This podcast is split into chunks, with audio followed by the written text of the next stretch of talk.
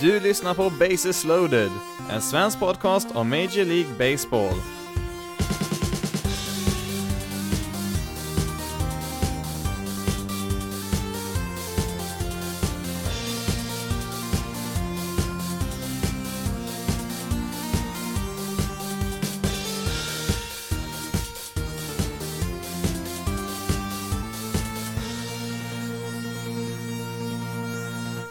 Hej och välkommen till veckans avsnitt av Bases loaded, en svensk podcast om Major League Baseball. Detta är då avsnitt nummer 31 och eh, det är ett nummer som flera olika Hall of Famers har haft på ryggen. Bob Gibson och Reggie Jackson hade nummer 31 under en säsong vardera på 60-talet. Eh, Fergie Jenkins, en pitcher främst för Cubs på 60 och 70-talet, hade det numret på ryggen i 18 säsonger och eh, likaså Padres och Yankees-pitchern Dave Winfield.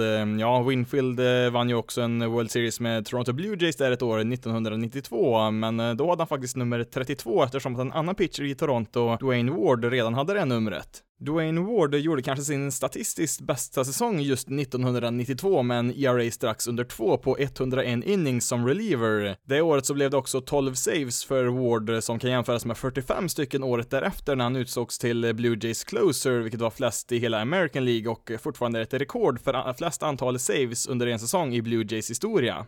Trots att han tekniskt sett var marginellt eh, sämre 1993 och dessutom kastade 30 färre innings det året så valdes han för första gången i karriären till en All-Star-match och eh, slutade faktiskt femma i Cy Young-omröstningen. Likt säsongen 92 så avancerade Blue Jays till 1993 års eh, American League Championship Series, alltså ALCS, där White Sox stod för motståndet och i match 6 där så säkrade Toronto avancemang till en World Series för andra året i rad efter att just Ward fick matchens sista out. I 1993 års World Series då så stod ju Philadelphia Phillies för motståndet och eh, Ward tillät endast en run på sammanlagt eh, fyra och eh, två tredjedels inning som han kastade i de fyra matcherna som han deltog i. I match 6 så hade ju Blue Jays chansen att säkra sin andra raka titel på hemmaplan, men i den sjunde inningen så hade Phillies tagit ledningen med 6-5 och ja, ställningen höll sig till den nionde inningen där Blue Jays skickade in just Dwayne Ward. And Cito Gaston and his desire to keep it a one-run deficit into the bottom of the ninth has gone to his ace closer, Dwayne Ward. He's appearing for the fourth time in six games, and he's greeted by Dave Holland. Will he give him the ball in the bottom of the ninth tonight? Well, you could see uh, him in uh, your monitor. I think with Ricky Henderson coming up, I think Larry Anderson will be called on to get out Henderson. We'll see. Indeed, we will. Ward did his job, a 1-2-3 ninth. Last chance for Toronto coming up. En snabbt avverkad inning utav Ward där utan base runners eh, serverade upp Blue Jays top of the lineup som fick en sista chans här att komma ikapp. Numera Hall of Famer Ricky Henderson inledde inningen med en walk. Eh, Devin White kom sen in där och eh, åkte ut på en flyball till eh, left center field. Sen hade vi en annan Hall of Famer, Paul Molitor, som slog iväg en line drive single där och Blue Jays hade då två base runners med en out i den nionde inningen. Då var det sen dags för Joe Carter och han skulle skapa en av MLB-historiens största ögonblick. Joe has had his moments. Two balls and two strikes on him. Here's the pitch on the way. A swing and a belt. Left field. Way back. Blue Jays win it. The Blue Jays are World Series champions as Joe Carter hits a three-run home run in the ninth inning, and the Blue Jays have repeated as World Series champions. Touch them all, Joe. You'll never hit a bigger home run in your life. 29-årige Dwayne Ward och hans Toronto Blue Jays var mästare för andra året i rad, men vad ingen visste då, det var att Wards karriär mer eller mindre var över som spelare i alla fall. En axelskada och en strejk satte stopp för spel säsongen 94 och 95 där så försökte han sig på en comeback som varade i fyra matcher och han tillät på de fyra matcherna åtta runs på två och två tredjedels inning. Han gör även ett försök där i Cubs eh, minor League-system eh, säsongen 96, men eh, det blir bara sju innings där med en ERA över 10. Dwayne Wards baseballkarriär är därmed över. Från början så hade jag inte tänkt att prata någonting alls om Dwayne Ward som jag inte ens visste vem det var innan gårdagen när jag började skriva det här avsnittet och Ehm, ja, egentligen skulle det här hela leda till Greg Maddox, eh, den största profilen som bärt nummer 31 i MLB, men eh, när jag satt och skrev ihop manuset för det här avsnittet så hamnade jag på ett eh, litet sidospår och tyckte att det här var en bättre historia att ta upp här i början av avsnittet och ehm, ja, Greg Maddox kan vi prata om vid något annat tillfälle. Avsnittet 31 utav Bases Loaded får istället tillägnas Dwayne Ward som i sin numera relativt okända karriär var en nyckelspelare i det Toronto Blue Jays som vann två raka World Series-titlar i början på 90-talet. Nästan 20 år senare Senare är vi mitt inne i 2019 års slutspel och eh, vi väntar med spänning för att se vilka spelare som blir årets hjältar och eh, vem vet, den största hjälten i årets slutspel kanske bär just nummer 31 på ryggen. I veckans avsnitt så blir det då lite grann om de slutspelsmatcher som har spelats så här långt, alltså de två wildcard-matcherna och i divisionsserierna så har det spelats två matcher i samtliga möten när jag spelar in här på söndagen. Lite senare ska jag också ta ut mitt personliga All-star-lag här från National League baserat på vad de har presterat här under grundspelet, men vi kör igång här med slutspelet. Först ut så har vi då wildcard-matcherna och i National League så hade vi den helt klart bästa matchen utav de två när Milwaukee Brewers fick hälsa på Washington Nationals i en oerhört jämn match. Eh, Nationals vinner ju med 4-3 och eh, detta är ju tekniskt sett första gången någonsin som de avancerar i ett slutspel. Det här var ju då första gången som eh, Nationals spelade i en wildcard-match och i tidigare slutspel så har de ju vunnit sin division men också åkt ut i första slutspelsomgången då, alltså NLDS. Det började dock eh, lite oroväckande för Nationals som eh, startade Max Scherzer som deras pitcher och han började med att tillåta en walk till rookien Trent Grisham som numera fått agera ersättare till Christian Yelich i right field. Därefter så kom Brewers catcher Yasmani Grandal upp och gjorde det här med den första bollen han fick se från Mad Max. Scherzer is ready and for Grandal. Here it is and Yasmani drives one to right in the corner and it's gonna get off the wall out there and On to third goes Grisham. Did this one go out? It did. Grandal just hit one out of here. It cleared the barrier in right. The first pitch he saw from Scherzer goes over the wall in right. And they are stunned here in DC.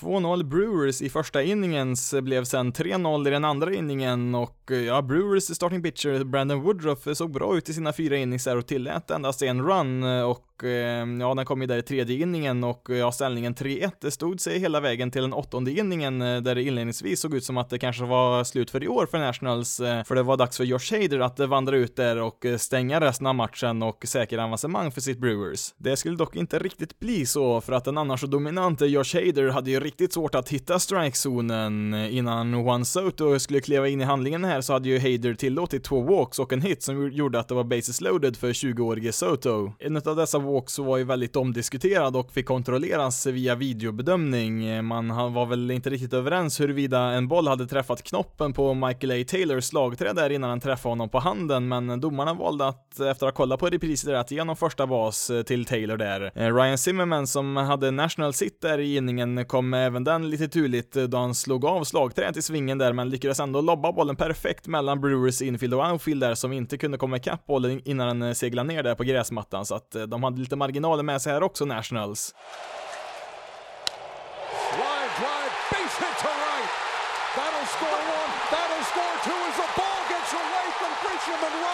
That's going to score three runs, and the Washington Nationals have the lead.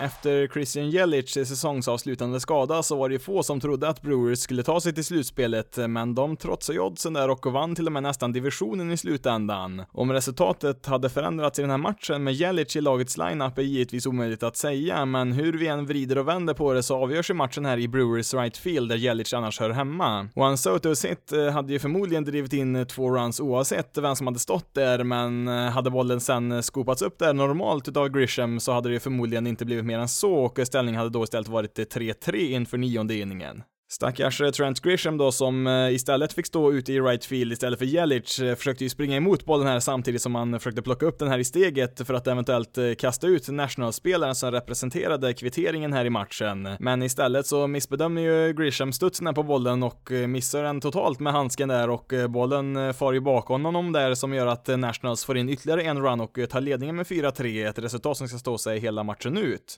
Ett chockerat Brewers kunde inte hämta sig från den smällen och en halv inning senare så är de istället utslagna. Hatten av här ändå till Milwaukee Brewers som eh, verkligen krånglat sig in i detta slutspel också när tog sig vidare till nästa omgång här, men till slut så räckte man inte riktigt till. Eh, lika tungt som det är för Brewers eh, är det glädje i huvudstaden då de får chansen att spela för titeln även om vägen går via Los Angeles. Ehm, Scherzer som inte riktigt är hundra ännu efter sin ryggskada hade också lite svårigheter mot Brewers och kom ju då ut efter fem innings med tre earned runs. Ehm, den stora hjälten bland Nationals pitchers blev istället Steven Strasburg som gjorde sitt första inhopp någonsin som reliever och nollade Brewers i tre raka innings. Med tanke på hur skakiga Nationals relievers är så ville man nog i största möjliga utsträckning inte använda sin bullpen här i matchen, vilket ledde till ett inhopp från Strasburg innan man kunde lämna över då i nionde inningen till en, en av eh, få pålitliga relievers som man faktiskt har när Daniel Hudson kunde stänga matchen där.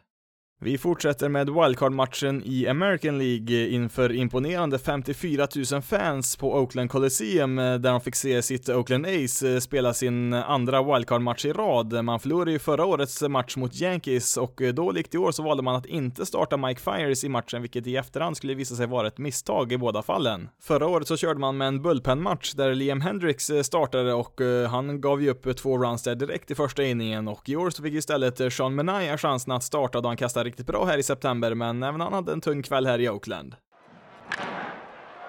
Diaz with the ball well hit to right field. Loriano back. He looks up and that one is gone. Yandy Diaz opens the top of the first with a solo home run. The trend continues Jan Didiens, eh, som varit skadad större delen av andra halvan på säsongen, han med att eh, bara spela en enda match i september innan slutspelet började här, men i matchens första at här så såg han till att ge ledningen till Rays och eh, ja, det blev inte något bättre för Oakland här i den andra inningen heller. Benaya slowing the pace up a bit with the runner on to start the inning. And Garcia hits a rocket out to center field. That ball is smoked. Canna looks up And that one is gone. The second homer of the game by the Tampa Bay Rays, and it's 3 0 for the visitors.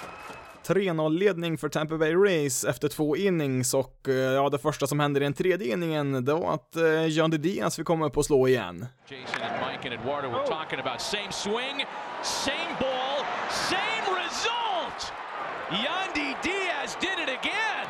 Och där var ju då Menayas match över, fyra tillåtna runs utan att få en enda out i den tredje inningen, så att eh, nej, det var ingen lyckad start där för hans del och eh, ja, matchen var väl egentligen över här, mer eller mindre i alla fall. Charlie Morton som startade för Tampa Bay Rays eh, hade en betydligt bättre match här och eh, kunde efter en stabil insats lämna över en 5-1-ledning efter fem innings till en av MLBs bästa bullpens här och ja, det skulle ju också bli slutresultatet här i matchen. Nu kan ju Oakland inte bara skylla på Sean Menai här, även om han hade en dålig match här, utan deras offensiv fick ju bara ihop en enda run här på matchen och eh, ja, ska man vinna matcher så behöver man ju oftast lite fler än så och eh, ja, deras offensiv får ju helt enkelt också ta på sig lite av skulden här i matchen. Givetvis tråkigt för Oakland då att eh, få ta ledigt resten av året då efter en eh, sån här eh, riktigt dålig insats. Att få avsluta säsongen på detta vis var väl inte riktigt vad man hade räknat med och ja, lite synd också om Billy Bean och hans lagbyggen som ofta har så svårt att prestera i oktober. Sen kanske man får skälla lite på deras ägare som vägrar spendera speciellt mycket pengar på sitt lag och ja, de skulle ju behöva mer pengar för att bygga ett slagkraftigt lag på lång sikt här. Helst av allt så skulle ju Oakland behöva vinna divisionen för att eh, slippa det lotteriet som är en wildcard-match och eh, visst, eh, vi har ju fått se några av framtida namnen som ska vara nyckelspelare i Oakland kommande år här. Återigen, Jesus Luzardo som jag nämnt väldigt ofta här på sistone var ju väl en av ljuspunkterna här i matchen för Oakland och han nollade race i tre innings här som han kastade som reliever. Samtidigt för Oakland så står det ju en gigant där i form av Houston Astros i vägen som inte lär flytta på sig i första taget här i divisionen och det finns ju en risk att de kommer vara giganter där Astros i många år framöver. Hur liten budget än Oakland har så är ju faktiskt Tampa Bay Rays lönekostnader ännu lägre och nu befinner de sig i divisionsserien här då mot just Houston Astros. Deras lineup räckte ju till här mot Oakland eh, samtidigt som deras eh, pitchers neutraliserade Oaklands hitters och eh, ja, när allting klickar för Rays pitchers så är det ett svårt lag att besegra, men det känns väl lite som att det är något år kvar innan de på allvar kan hota de här andra storlagen. Med tanke på hur det ser ut i de olika divisionerna så är det väl inte helt omöjligt att de här två lagen ställs mot varandra även i nästa års wildcard-match, men jag skulle nog inte heller helt räkna ut något av de här lagen som eventuell divisionssegrare 2020. Har väl egentligen inte så jättemycket mer att säga här om matchen. Spänningen försvann ju relativt snabbt och eh, Race kontrollerar, kontrollerar ju matchen från eh, start till slut och eh, får ju en otacksam uppgift här nu att försöka vinna tre av fem matcher mot Astros.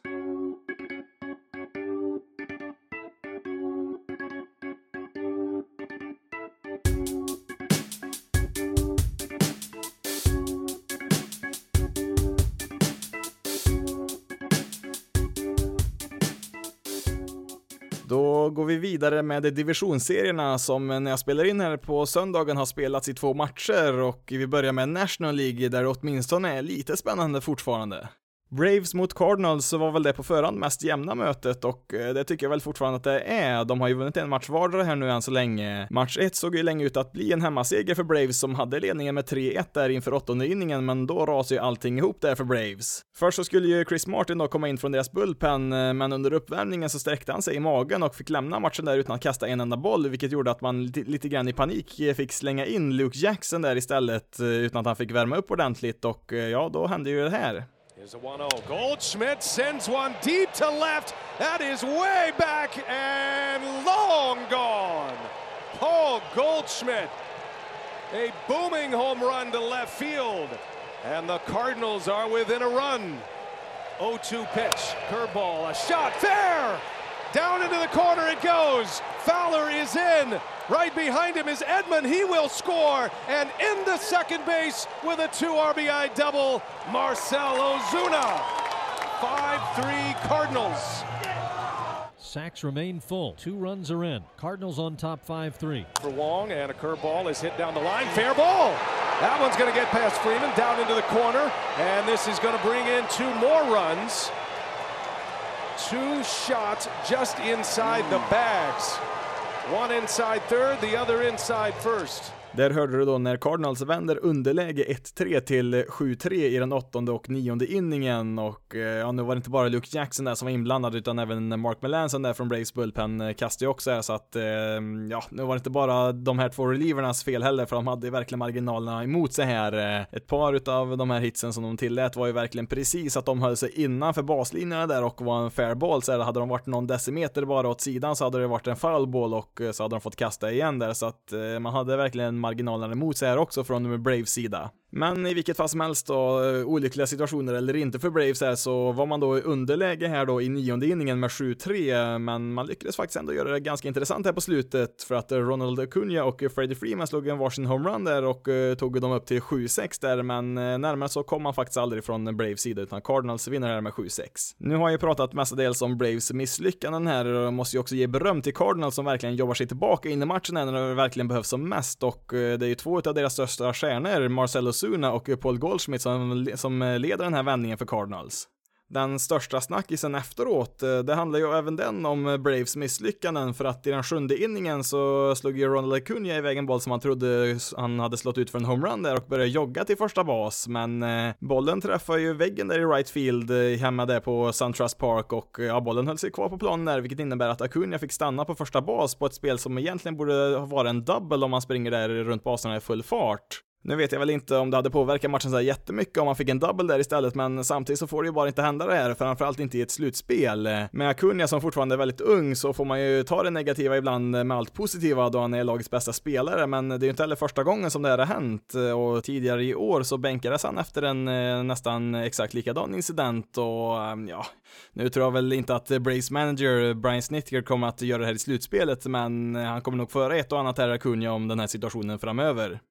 Eftersom att man spelar bästa fem matcher i den här slutspelsomgången så blir ju match två en måste-match för Braves för att ligga under med 2-0 i matcher för att sen ha två stycken matcher i St. Louis hade varit extremt tungt att hämta ikapp. Inför matchen så såg det dock inte så lovande ut på förhand då Cardinals suveräna Jack Flaherty startade för bortalaget mot Mike Foltynewicz eh, som i sin tur skickades ner till AAA under sommaren här för att han spelar så pass dåligt. Eh, men han kom ju upp här nu lite senare på säsongen och eh, spelade lite bättre i alla fall. Braves tog ju en ledning där tidigt, 1-0 i första inningen, men sen så var det en riktig pitcherduell där mellan lagens starting pitchers och när den sjunde inningen inleddes så var ju båda kvar i matchen där. Shut down thus far on a three hitter from Foltynewicz. But they have their first base runner since the fourth inning.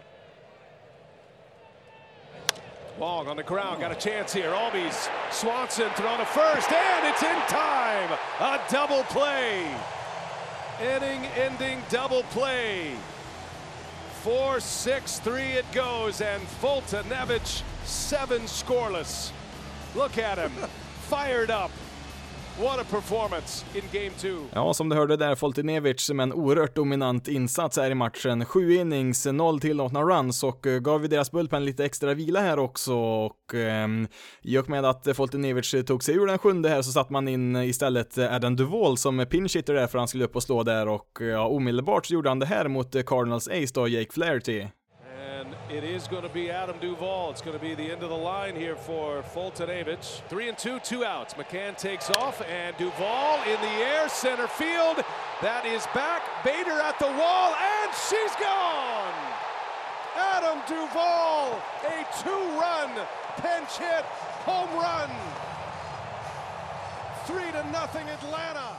Även Cardinals eh, starting pitcher då, Flaherty här, spelade ju bra i match två, men tillät till slut alla Braves tre runs på sju innings och eh, matchen slutade ju då 3-0. Nu fortsätter ju serien i St. Louis och eh, det kan ju verkligen gå hur som helst här. Det som talar för Braves åtminstone i match 3, det är att de kan rulla ut sin bästa starting pitcher i år, Mike Soroka, som har en ERA på 1,5 på bortaplan i år. Men vem vet, eh, detsamma tänkte nog eh, även många angående Jack Flaherty här då för Cardinals och ja, det gick ju inte vägen för dem här i match 2 så att det kan hända lite vad som helst i den här matchserien och det är väl det mötet som är mest intressant just nu.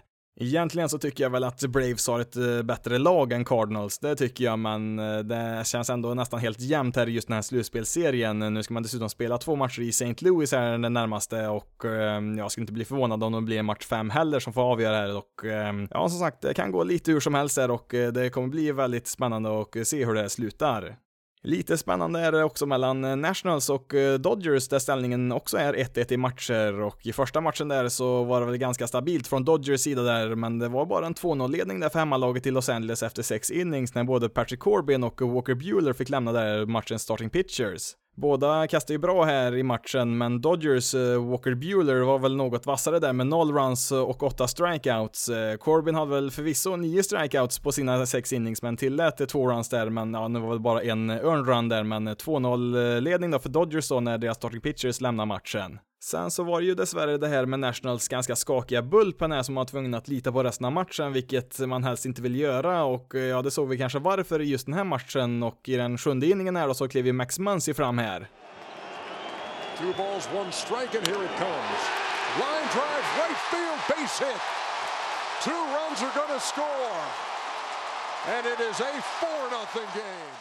4-0 till Dodgers då efter att Max Muncy slår in ett par runs till där och i den åttonde inningen så kunde man definitivt avgöra matchen där. Gavin Lux och Jock Peterson kom in där som pinch hitters och slog iväg varsin solo-homerun där mot Hunter Strickland. Resultatet i matchen var väl kanske något av en reflektion av hur många trodde att matchen skulle utspela sig, alltså att så länge National starters eh, är inne i matchen så har de chansen, men ju längre deras bullpen får kasta, desto större chans är att något katastrofalt händer. Med det i åtanke så fick vi se något eh, lite mer okonventionellt beslut av Nationals här i match 2. Båda lagens starting pitchers, Steven Strasburg och Clayton Kershaw, bidrog återigen med sex innings var, men Kershaw som stundtals haft det tufft i slutspelssammanhang fick lämna matchen med underläge 3-1. Nationals vände sig sen till Sean Doolittle som länge anses vara en av få och även ibland den enda pålitliga relievern i Nationals, men även han har haft det lite tungt här nu i år och med Max Muncy återigen då som slagman här så händer detta. Struck out swinging and looking. And take a look at this one deep to right and long gone. Dodgers reducerar till 3-2 och i den åttonde inningen sen så tar ju Nationals inga som helst chanser där med ledningen och släpper lös sin egen nummer 31 Max Scherzer som startade i wildcard-matchen ett par dagar innan. Scherzer hade ju sina svårigheter i sin senaste start där i wildcard-matchen men under en inning här på Dodger Stadium så visar han ingen som helst barmhärtighet. Pitch on the way. Swing and a miss. Struck him out with a cutter, and that retires the side. Max Scherzer out of the bullpen in the eighth inning. Strikes out the side. Scherzer strikar ut samtliga tre Dodgers-lag man får se där och eh, ja, alla tre där åkte dessutom ut på en swinging strike.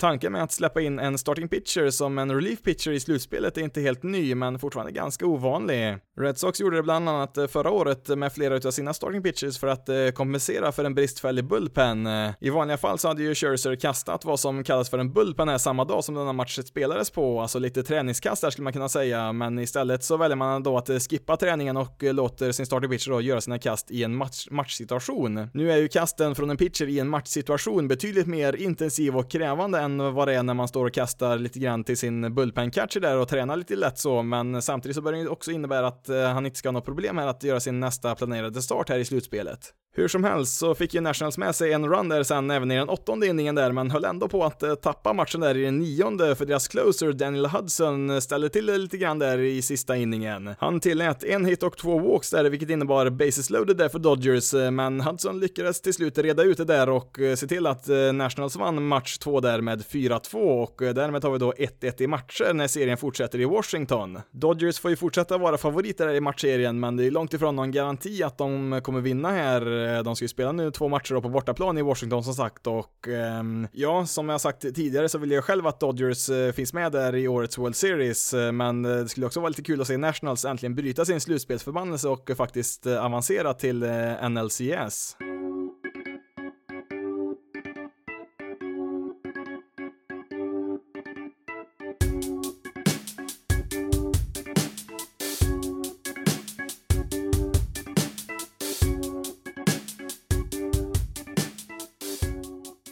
I American League så har det varit betydligt mer förutsägbart och efter två matcher så ser det nästan ut som att det redan är avgjort här tyvärr, men eh, vem vet, mirakel har ju skett förut. Att Yankees serie mot Twins skulle bli en offensiv historia var det nog många som förutspådde och mycket riktigt fick vi se 14 runs redan i match 1. Eh, det var väl också lite slarvigt försvarsspel på sina håll där i matchen som gjorde att eh, det blev ett par extra runs där, men Yankees försvar kunde inte göra någonting alls där när Twins Jorge Polanco och Nelson Cruz klev in som slagmän där i första respektive tredje inningen. The fists, it looks like, but on a night like this and with this year's ball, it's out. I don't think he got all of it, but he got enough. And it's deja vu for Paxton. A first inning home run and an early 1 0 deficit. He can be aggressive on the first pitch. He takes a swing, sends it out toward right field. Judge goes back, and it's out of here. Well, you called it. And in this ballpark, just slices it down the right field line. It gets a few rows into the lower stands, and it's 2 0 Twins on a pair of solo home runs. Ytterligare en homerun tillåten i den första inningen utav Yankees starting pitcher James Paxton som under grundspelet tillät 12 homeruns i den första inningen och sammanlagt 11 homeruns i alla övriga innings han kastade. Hans ERA under grundspelet var 3,82 men kollar vi bara på resultaten i den första inningen av alla matcher så har han tillåtit 29 runs på lika många matcher, alltså en ERA på 9 i den första inningen. Twins tog därmed en tidig 2-0-ledning och Paxton skulle plockas ut där senare i den femte inningen med tre tillåtna runs chans innan Yankees eh, började rada upp sina relievers, eh, sex stycken för att vara exakt. Ehm, Yankees skulle till slut eh, komma ikapp och gå förbi här i ställningen och i sjätte och sjunde inningen så avgjorde man matchen, först med två solohomeruns där i sjätte inningen för att sen se DJ LeMayu totalt stänga matchen där i den sjunde.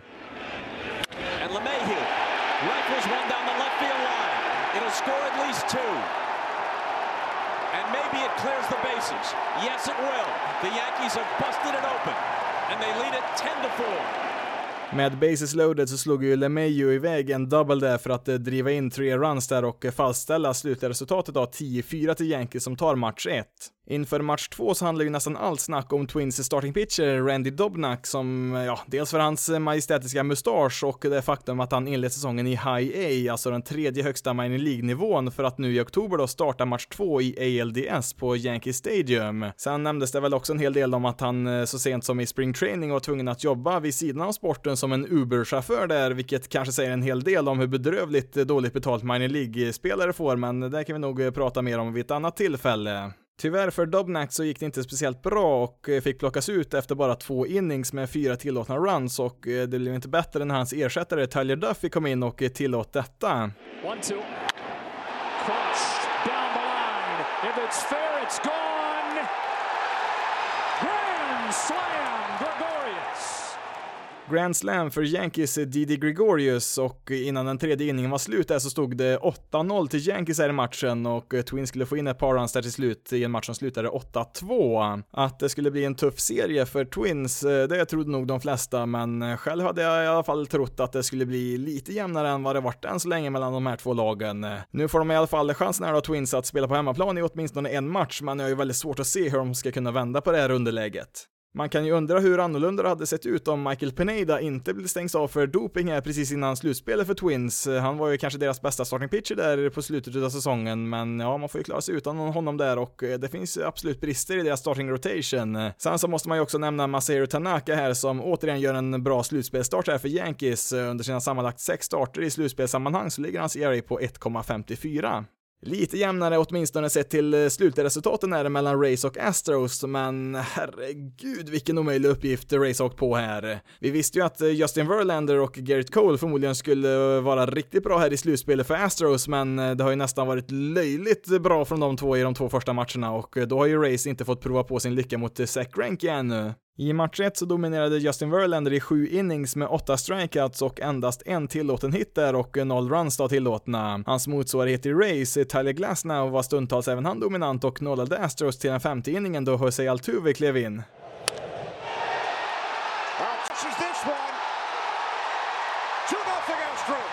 Glasnow kastade iväg den här bollen i 98 miles per hour precis i toppen av strikezonen, men på något sätt så lyckades ändå Altuve att eh, skicka iväg den här bollen ut över stängslen där i Minute Maid Park. Efter ett ganska klantigt error där i samma inning från Rays försvarare så tog Astros ledningen då i femte inningen med 4-0 och vinner sammanlagt till slut med 6-2 där i match 1. På presskonferensen efter matchen så sa Rays manager Kevin Cash det här.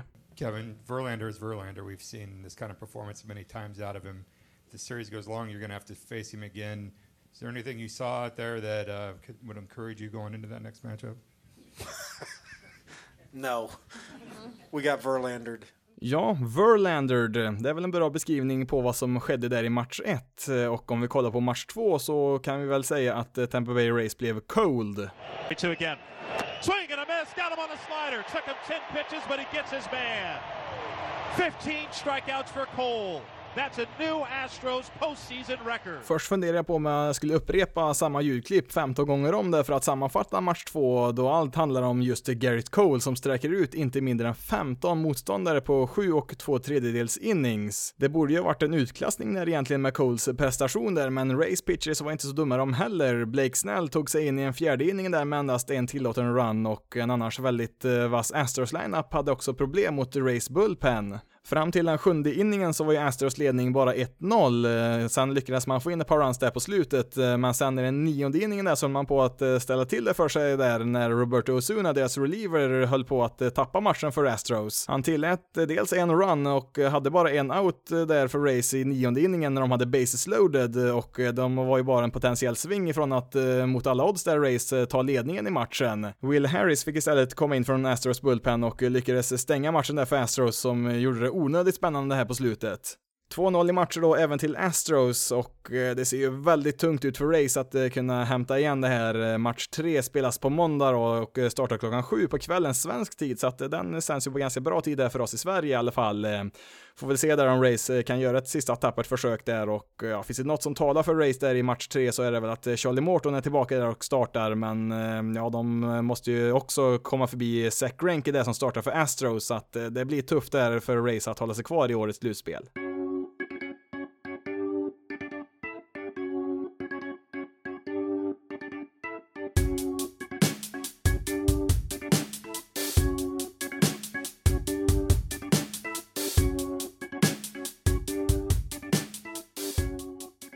För ett litet tag sedan så fick jag ett förslag att eh, ta ut eh, mitt eget All-star-lag från säsongen, vilket jag tycker låter som en eh, vettig idé. Hade väl tänkt att summera alla lagens säsong kanske först efter även slutspelet är över, så att fram tills dess så tänkte jag att det kunde passa här att i veckans avsnitt ta ut ett All-star-lag från National League och i nästa veckas avsnitt då göra detsamma med American League.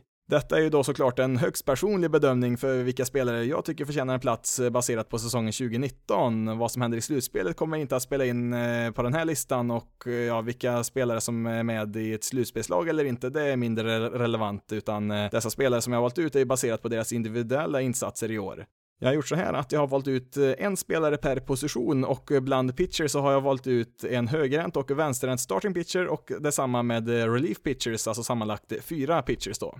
Jag tänkte att vi börjar då med alla infield-positioner och först har vi då catcher. Det finns väl egentligen bara två stycken att välja på här, JT Realmuto i Phillies och Yasmani Grandal i Brewers. Um, visst, Cubs Wilson Contreras har väl varit eh, bättre än båda de här två rent offensivt, men lämnar väl en hel del att eh, önska rent defensivt. Grandal har väl i sin tur varit lite bättre som slagman än Real Muto, men i slutändan så har jag ändå valt eh, Phillies catcher JT Real Muto. Han eh, tradades i vintras från ett ganska hopplöst eh, Marlins till ett Phillies som storsatsare inför den här säsongen. Han hade väl en ganska bra offensiv säsong, faktiskt sin bästa i karriären förra året, men tog väl ett steg bakåt i den kategorin i år. Hans slashline 275, 328, 493 i år gav honom en VRC plus på 108, vilket kanske inte är så märkvärdigt och liknar väl mer vad han presterat alla andra säsongen förutom 2018 då.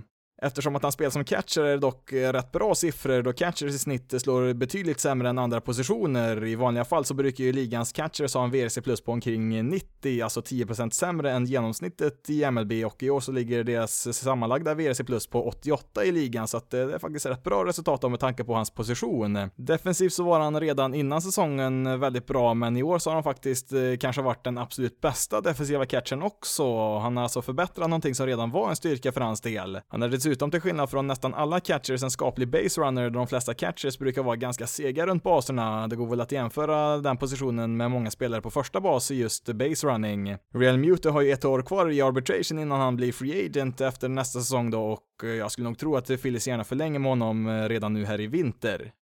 På första bas hade jag inför säsongen kanske gissat på att Paul Goldschmidt skulle hamna här och efter första halvan på säsongen så såg det väl ut som att eh, kanske Pirates och Josh Bell eh, skulle kunna hamna här men eh, Goldschmidt har väl inte riktigt spelat på sin förväntade nivå och eh, Bell har ju likt Pirates tappat en hel del eh, sen säsongsinledningen. Freddie Freeman och Anthony Rizzo är också bra alternativ och eh, jag kom väl fram till att om jag var tvungen att välja någon för att bygga ett slagkraftigt lag eh, för säsongen 2020 så hade jag nog i slutändan valt Braves första basman Freddie Freeman, men nu handlar det mer om denna säsong och eh, då får det faktiskt bli Mets Pete Alonso.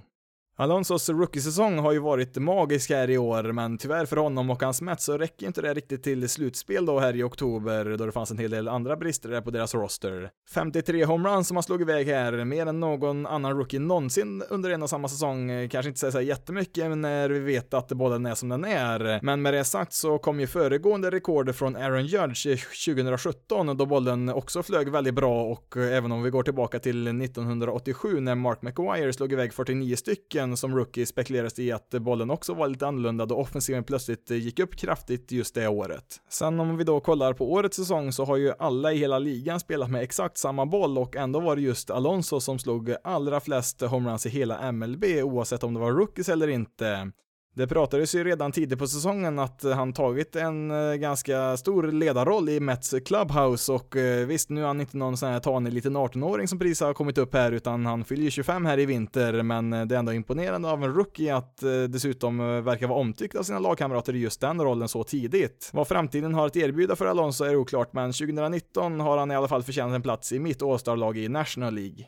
På andra bas så var det ett eh, ganska tufft val här. Jag funderade först på Ketel Marte i Diamondbacks, men han har ju främst spelat som outfielder i år så att jag kände att jag inte kunde välja honom här med gott samvete. Hade Brewers eh, Kesten Hera spelat hela säsongen hade han nog eh, varit en kandidat här, men tycker inte hans produktion på 84 matcher riktigt gör att han förtjänar en plats här. Till slut så hade jag bara två spelare kvar att välja på, Dodgers Max Muncy och Ozzy Albies i, i Atlanta Braves. Ehm, Mansi är ju helt klart en mycket bättre slagman och Albis är väl eh, lika klart en eh, mycket bättre försvarare och Eh, ja, jag ville verkligen välja Mansi här, men det som till slut avgjorde mitt beslut är att välja Ossi Albis. Eh, det var att Mansi delat sin speltid på andra bas och första bas med mindre krävande där, medan Albis då spelat alla sina 158 matcher på just andra bas, av alla utom en var från start. Albis eh, skrev ju på ett ganska hårt kritiserat kontrakt här innan säsongen började, som många ansåg vara allt för billigt för Braves där att komma undan med. År ett utav potentiellt nio på kontraktet har ju gett rejäl utdelning då de betalar ut ut i snitt eh, 5 miljoner dollar per år. Extra lovande är hans eh, offensiva produktion här nu som studsar tillbaka till liknande nivå som han hade under sin rookiesäsong 2017. Förra året så var han ju ganska medioker på den eh, fronten. Jag tror kanske inte att Albis kommer vara någon superstjärna här i framtiden, men bör kunna producera tillräckligt både offensivt och defensivt för att vara ett bra alternativ på planen varje dag och kanske få spela några All-star-matcher också längs vägen. På shortstop så hade jag väl också lite svårt att bestämma mig och till slut så blev det kanske det mest kontroversiella valet här, eller ja, kontroversiellt är väl kanske att ta i det jag säger här, det spelar väl inte så stor roll i det stora hela, men eh, kan väl säga så här att egentligen så borde väl antingen Rockies eh, Trevor Story eller Cubs Javi Baez eh, komma med här. Men samtidigt med just Trevor Story så är det lite svårt att veta hur man ska värdera att han spelar på Coors Field som är en väldigt offensivt inbjudande arena på hög höjd. Baez tog väl ett kliv bakåt han i år, offensivt i alla fall, och eh, var väl en av få spelare som faktiskt slog färre homeruns i år jämfört med förra året. Och mm, ja, även Paul DeYoung i Cardinals fanns med i tankarna här, men till slut så valde jag Padres eh, Fernando Tatis Jr. När jag pratade om Keston Hera så sa jag att hans 84 matcher inte riktigt räckte till för att vara en kandidat på andra bas, men hur många matcher har då Tatis spelat i år då med alla sina skador? Mm, jo, 84 stycken.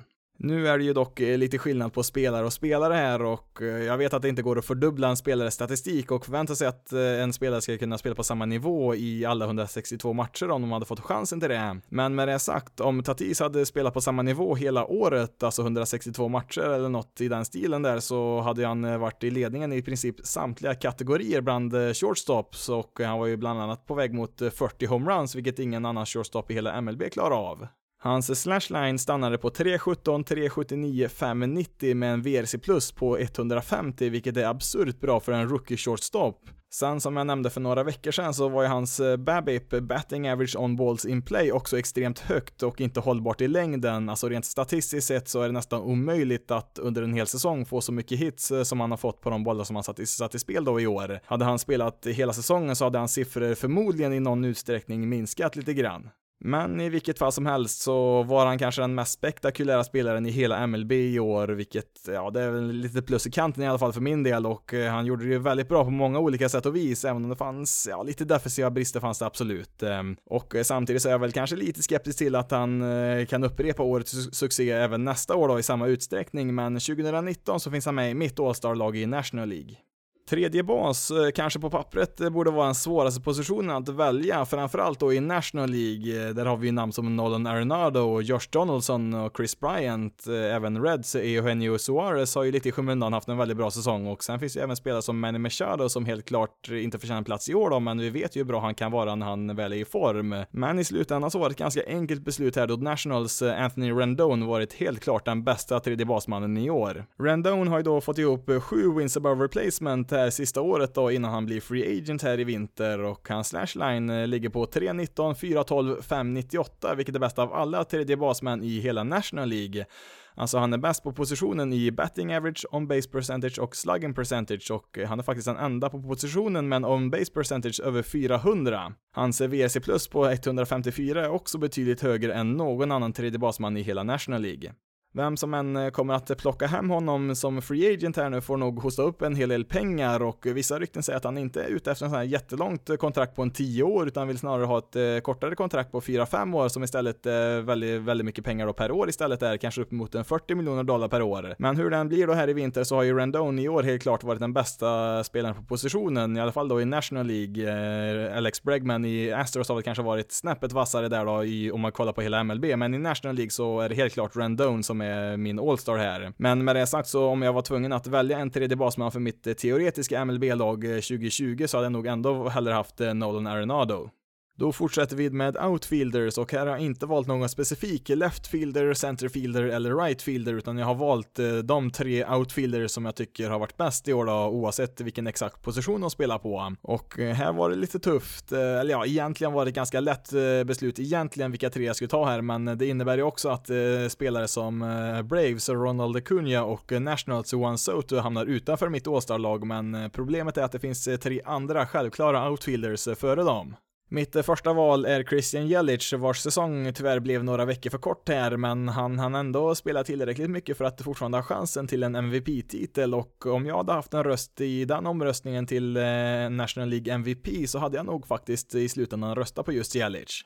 329, 429, 671 är hans slashline, vilket eh, alla tre av de kategorierna är bättre än hans huvudkonkurrent eh, till MVP-titeln Cody Bellinger. Sen är väl Jelic inte riktigt lika vass som försvarare, men ändå helt okej okay där i right field. Vet inte om det finns så mycket mer att säga egentligen om Jelic, menar att han utan tvekan tar en plats eh, som en av National Leagues tre bästa outfielders. Just Cody Bellinger är ju också självklar på listan, men han har väl spelat lite sämre här ju längre säsongen har gått. Eh, kanske inte så jättekonstigt då med tanke på hur extremt bra han var inledningsvis på säsongen. Eh, fördelen som Bellinger har jämfört med Jelic är ju främst hans försvarsspel, då han dels är bättre på den biten och eh, kan dessutom spela på flera olika positioner. Jelic har ju spelat i princip varje match i right field, medan Bellinger faktiskt har gjort 25 matcher i centerfield för Dodgers och även ett gäng matcher som första basman, men han har ju även han då spelat mestadels som kommer en right fielder. Efter en väldigt bra rookiesäsong 2017 tog han väl ett eh, kliv eh, bakåt förra året, eh, men i år så har ju Bellinger på allvar presenterat sig som en framtida stjärna här i MLB. Antalet walks han tagit i år har ju gått upp en hel del och framförallt har ju hans strikeouts krympt rejält. Under sina första två säsonger så resulterade 26 och 24 procent utav hans plate appearances med en strikeout och i år då så ligger det på 16 procent, vilken är en enorm skillnad.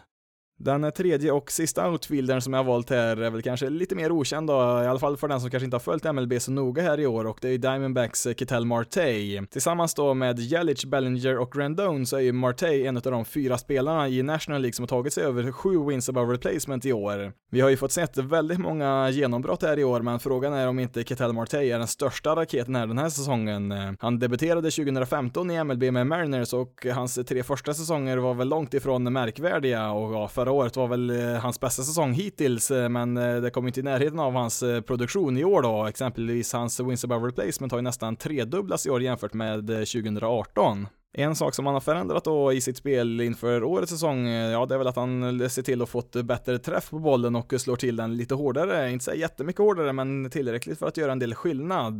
Den kanske enskilt största förändringen är hans launch angle, alltså vilken vinkel bollen lämnar hans slagträ i genomsnitt och den har ju ökat kraftigt i år och tillsammans med den nya bollen så har det resulterat i 32 homeruns i år, vilket är mer än dubbelt så många som förra året. Förra året var hans eh, betting average på 2,60, i år har han ett eh, average på 3,29. Hans on-base percentage var förra året eh, 3,32 och i år då 3,89. Hans slugging percentage var på 4,37 förra året och 5,92 i år, vilket är en enorm ökning då med andra ord. Förra året så var ju hans VRC plus 106, alltså marginellt bättre än en genomsnittlig slagman i MLB, för att i år då ligga på 150 i den kategorin, 50% bättre än genomsnittet i MLB.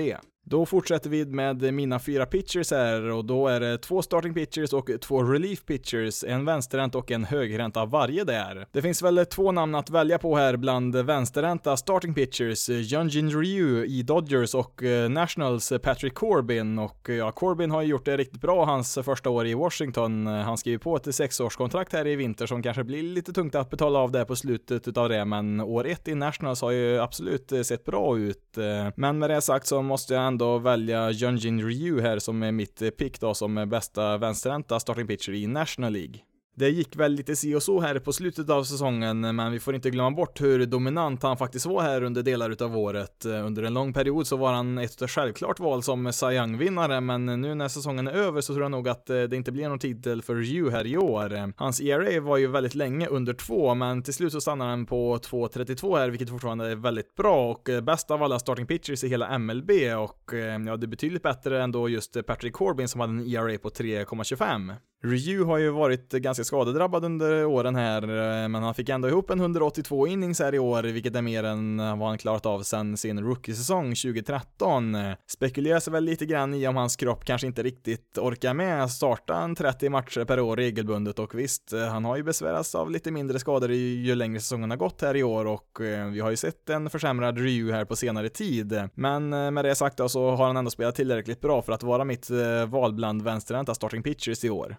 Då går vi över till högerhänta starting pitchers och eh, Max Scherzer och eh, Steven Strasburg har ju båda haft en väldigt bra säsong och eh, Walker Bueller i Dodgers ser ut att vara här för att stanna i toppen bland ligans bästa starting pitchers. Ehm. Detta var ju också året som Cardinals Jack Flaherty slog igenom med dunder och brak och alltså ja, sen måste jag även få nämna Sonny Grays namn här också som gjorde en totalomvändning sen han tradades till Reds här från Yankees här i vintras. Hans ERA stannar ju på 2,87 här i år i en väldigt bra starting rotation som han hade där i Cincinnati Reds. Att Jacob DeGrom i Mets var bästa pitchern i National League förra året var nog nästan ingen som eh, sa emot eh, efter en extremt bra säsong där från honom. Eh, när jag sitter där och jämför lite siffror så ser jag att nästan alla av DeGroms siffror i år är i princip likadana som mellan 2018 och 2019, men hans ERA har ju gått upp från 1,7 förra året till 2,43, vilket fortfarande är väldigt bra. Men vad är då skillnaden? Jo, en av väldigt få kategorier som skiljer sig från förra året, det är antal homeruns han har tillåtit. Han strikar ut nästan exakt lika många motståndare som förra året och likaså när jag kollar på walks, eh, de siffrorna också nästan exakt likadana. Hans motståndare har väl lyckats eh, få till en marginellt högre exit velocity och en lite högre launch angle jämfört med 2018, vilket i sig inte borde göra sån stor skillnad, men eftersom bollen flyger så pass mycket bättre i år så är det väl nog ändå en faktor till varför vi inte återigen pratar om en historisk säsong för Mets starting pitcher. Nu är hans siffror bra nog för att troligtvis eh, vara favorit till att vinna National League Cy Young här och han är ju mitt val här som bästa högerhänt pitcher i National League och eh, jag hade haft en Cy Young-röst här så hade jag nog eh, placerat honom som nummer ett där. Synd då för Mets då att eh, 2019 återigen är något av ett förlorat år när man har ett så pass bra ace där i toppen av sin rotation.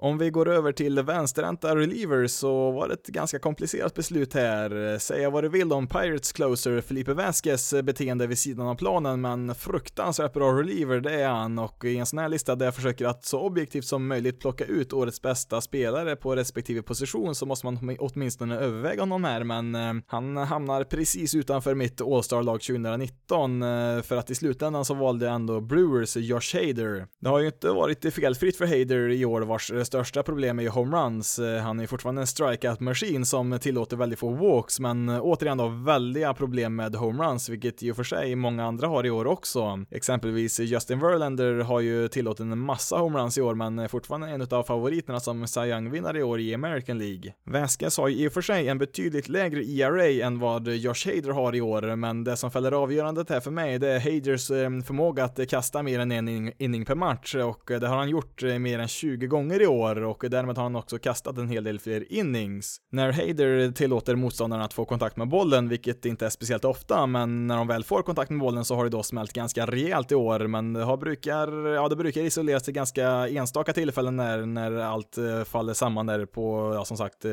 några få tillfällen här och där istället för att eh, sprida ut massa runs över hela säsongen. Som sagt så har det inte varit perfekt i år då och visst nu har man väl lite grann i bakhuvudet här att just Hader gav upp den avgörande hitten här till One Soto här i veckan i slutspelet, eh, men eh, ja, nu har inte det med slutspelet att göra egentligen och eh, trots det så är det ganska få relievers jag hellre har i min roster än Josh Hader.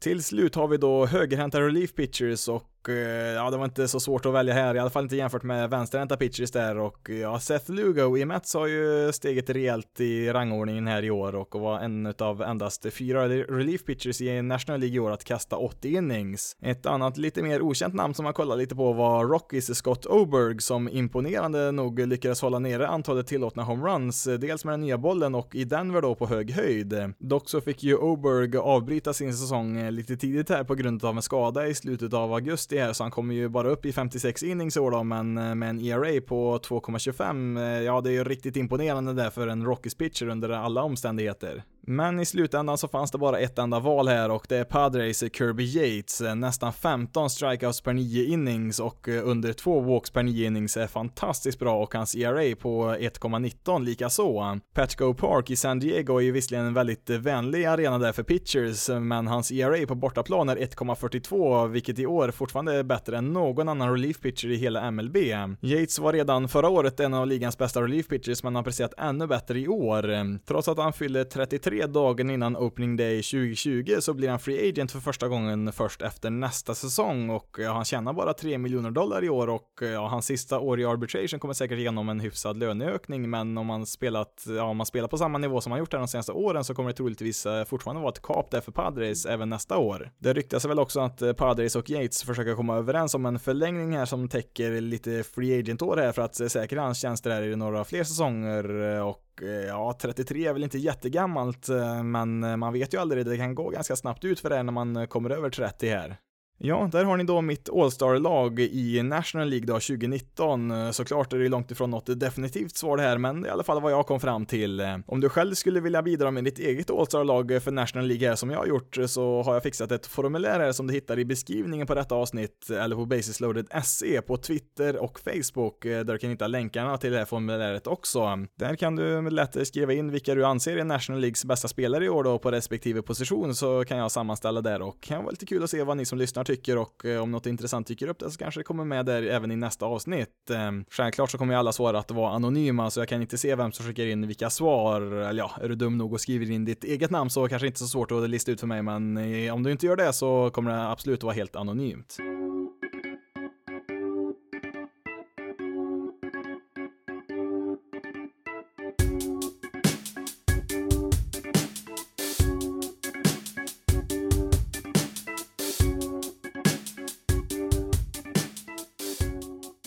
Ska vi ta veckans bästa och sämsta, men först så blir det veckans statistik. Och alla de här tre kategorierna då, eller vad vi ska kalla det för, kommer ju då handla om slutspelet. Och Ehm, ja, inte just specifikt det här slutspelet då, utan slutspel generellt sett. Men då i veckans statistik här så har vi då Charlie Morton som, ehm, ja, numera kastar han för Tampa Bay Race, men eh, han har även kastat för Houston Astros ganska framgångsrikt. Det är nämligen så här att Charlie Morton har kastat i tre stycken matcher där det är vinna eller försvinna för båda lagen som spelar spelar och den första sån här matchen han spelade i, det var 2017 i ALCS där match 7 mot Yankees där som han kastade in när Astros till slut vann. Sen så kastade han även i match 7 i det årets World Series där mot Dodgers som eh, de till slut vann där också Astros, ja, det var ju Charlie Morton som kastade den sista bollen där, så, eller ja, fick den sista outen där mot Dodgers. Ehm, I årets eh, wildcard-match då i American League så var det ju återigen Charlie Morton som startade där eh, och det är ju också en vinna eller försvinna match för båda lagen och ja, hans Tampa Bay Rays vann ju den matchen som bekant där mot Oakland, så att han har ju vunnit tre av tre matcher där det är vinna eller försvinna för båda lagen och på de matcherna så har han kastat totalt 14 innings och tillåtit endast en enda run. Så att eh, även om det ser lite mörkt ut just nu för Tampa Bay så kan man i alla fall trösta sig med att man har just Charlie Morton som startar match tre här nu mot Astros. Eh, nu är det visserligen då inte en vinna eller försvinna match då för båda lagen, utan det är ju bara för Rays. Astros behöver bara vinna en av tre matcher för att ta sig vidare, men eh, ja, det är väl någonting i alla fall där för race. Veckans bästa går till eh, AAA-hjältarna, alltså Adam Duvall och Mike Foltynewicz i Atlanta Braves. Det var ju de som mer eller mindre avgjorde match två där i matchserien mellan Cardinals och Braves. Eh, det är ju då två spelare som har spelat eh, stora delar av säsongen i, i AAA då, eller ja, Duvall har ju spelat stora delar där, Foltynewicz var väl inte nere så jättelänge, men det här är ju två spelare som haft sina svårigheter den senaste tiden. Duvall tradades ju till Braves förra året och hade ju en bedrövlig inledning på sin karriär i Braves där och eh, ja, han fick ju inleda säsongen i just AAA då. Foltynewicz var ju däremot riktigt, riktigt bra förra året, var ju Braves ace där eh, under 2018, men eh, han kom ju in skadad på den här säsongen och eh, när han väl kom tillbaka där och spelade så såg det ju ganska dåligt ut där, det såg rent ut sagt bedrövligt ut och han fick ju då skickas ner till AAA för att få lite mer träning där. Men sen de här två då kom upp då från AAA så har det gått betydligt bättre för dem, framförallt Foltynewicz har ju varit mycket, mycket bättre sen han kom tillbaka på deras MLB-roster och det är just de här två som eh, verkligen var de stora hjältarna i årets viktigaste match för Atlanta där, alltså match två mot eh, Cardinals där i slutspelserien som pågår just nu och eh, ja, hade Braves förlorat den matchen där så hade det sett extremt tufft ut för Braves att vinna tre matcher i rad där när två utav dem dessutom är i St. Louis så att ja, extra plus där till Foltynewicz och DeVol som är AAA-hjältarna den här veckan. Veckans sämsta har väl egentligen samma tema som eh, veckans statistik, nämligen vinna eller försvinna matcher och eh, ja, när det gäller just Oakland A så har de spelat nio stycken sådana under 2000-talet och eh, jag tänkte jag skulle läsa upp deras resultat i dem. Vi börjar med år 2000 när man spelade i ALDS, alltså American League Division Series, alltså den första slutspelsomgången då, om man inte räknar med wildcard-matchen då, men den existerar inte år 2000. Men i vilket fall som helst så förlorade Oakland den matchserien i fem matcher mot New York Yankees. Året därefter så mötte man återigen Yankees i ALDS där 2001 och där blev det också stryk i den femte och avgörande matchen. 2002 så var det dags igen då att spela i ALDS och den här gången så blev det förlust i den femte och avgörande matchen mot Minnesota Twins Twins. När man för fjärde året i rad, 2003, återigen eh, nådde ALDS där så trodde man att nu måste de väl ändå vinna en matchserie till slut. Eh, men nej, återigen så var det stryk i den femte och avgörande matchen där, den här gången då mot Boston Red Sox. Sen får vi hoppa nästan ett årtionde framåt här för nästa tillfälle. Eh, Eller ja, man hade väl tekniskt sett en, en plats i slutspelet 2006 där, men där fick man ju stryk i fyra raka matcher mot Tigers, så att det fanns inte någon direkt avgörande match där att förlora, i alla fall inte för båda lagen. Men 2012 då så var det dags igen då när man nådde ALDS och eh, ja, där blev det förlust i den femte avgörande matchen mot Detroit Tigers. Året efter, 2013, så mötte man återigen Detroit Tigers i ALDS och eh, återigen så blev det förlust i den femte och avgörande matchen där. 2014 så fick man nöja sig med en wildcard-plats och eh, där blev det förlust mot Royals som skulle ta sig hela vägen till en World Series det året. Förra året då, 2018, så spelade man också en wildcard-match mot New York Yankees och eh, ja, även där så blev det då förlust och eh, slutspel slutspelat för den säsongen. Sen så hade vi då till slut förra veckan när Oakland igen då fick spela en wildcard-match mot Tampa Bay Rays den här gången och som bekant så blev det ju förlust där. För att sammanfatta så har ju då Oakland spelat nio matcher de senaste 20 åren där vinnaren i matchen går vidare till nästa slutspelsomgång och förloraren har spelat klart för säsongen och på något sätt så har ju Oakland då lyckats förlora samtliga nio utav de här matcherna vilket är helt otroligt. Ja, då får det nog räcka där för veckans avsnitt. Eh, börjar närma oss en timme här på inspelningen och eh, har försökt egentligen att eh, försöka begränsa till ungefär 45 minuter per avsnitt här på sistone, men eh, ja, nu är det slutspelstider och i slutspel så spelas ju matcherna lite längre så att får skylla på det när de här avsnitten blir lite längre också. Det här är ju som sagt första säsongen som den här podcasten pågår så att jag vet inte riktigt hur man ska bevaka slutspelet här. Jag har väl gjort ett försök här och har väl varit relativt detaljerad här nu än så länge. Jag vet väl inte riktigt om man kommer kanske gå in riktigt riktigt i så mycket detalj i framtida avsnitt där, men ja, vi testar vi ju på här som sagt lite grann och får se vad som funkar och inte funkar här och eh, ja, om du har några synpunkter på det så får du gärna hojta till någonstans antingen på sociala medier eller på via, via mailen då på basisloaded.se gmail.com. Eh, nu kommer det ju bara att bli mindre och mindre matcher att bevaka här ju längre slutspelet går här och eh, ja, till slut så har vi ju ingen baseball alls att bevaka. Ja, det kommer ju vara lite free agency och så, men sen får vi se här i vinter hur mycket jag kommer spela in om någonting alls. Eh, jag kommer säkert ta en liten paus här under vintern Eh, i alla fall under delar utav den och kanske göra något enstaka avsnitt här och där. Men ja, vi har i alla fall ett par, tre veckor kvar här innan eh, hela säsongen är helt över. Du kan följa Basis Loaded på Facebook, Twitter och Instagram. Då letar du upp Basis Loaded SE eller så kollar du i beskrivningen på detta avsnitt där du hittar länkar till de eh, sidorna. Du kan även mejla då som sagt till basisloaded.se gmail.com om du har några frågor eller andra funderingar där. Du får även jättegärna om du har tid, lust och möjlighet att eh, sätta betyg och skriva något kort omdöme på Apple Podcast eller iTunes eh, för det hjälper en hel del att eh, få andra personer att hitta den här podcasten. Men nu har jag pratat tillräckligt för idag. Mitt namn är Jonathan Fabri. Tack så jättemycket för att du har lyssnat på veckans avsnitt av Basis loaded. Ni får ha det så bra där ute så hörs vi i nästa veckas avsnitt.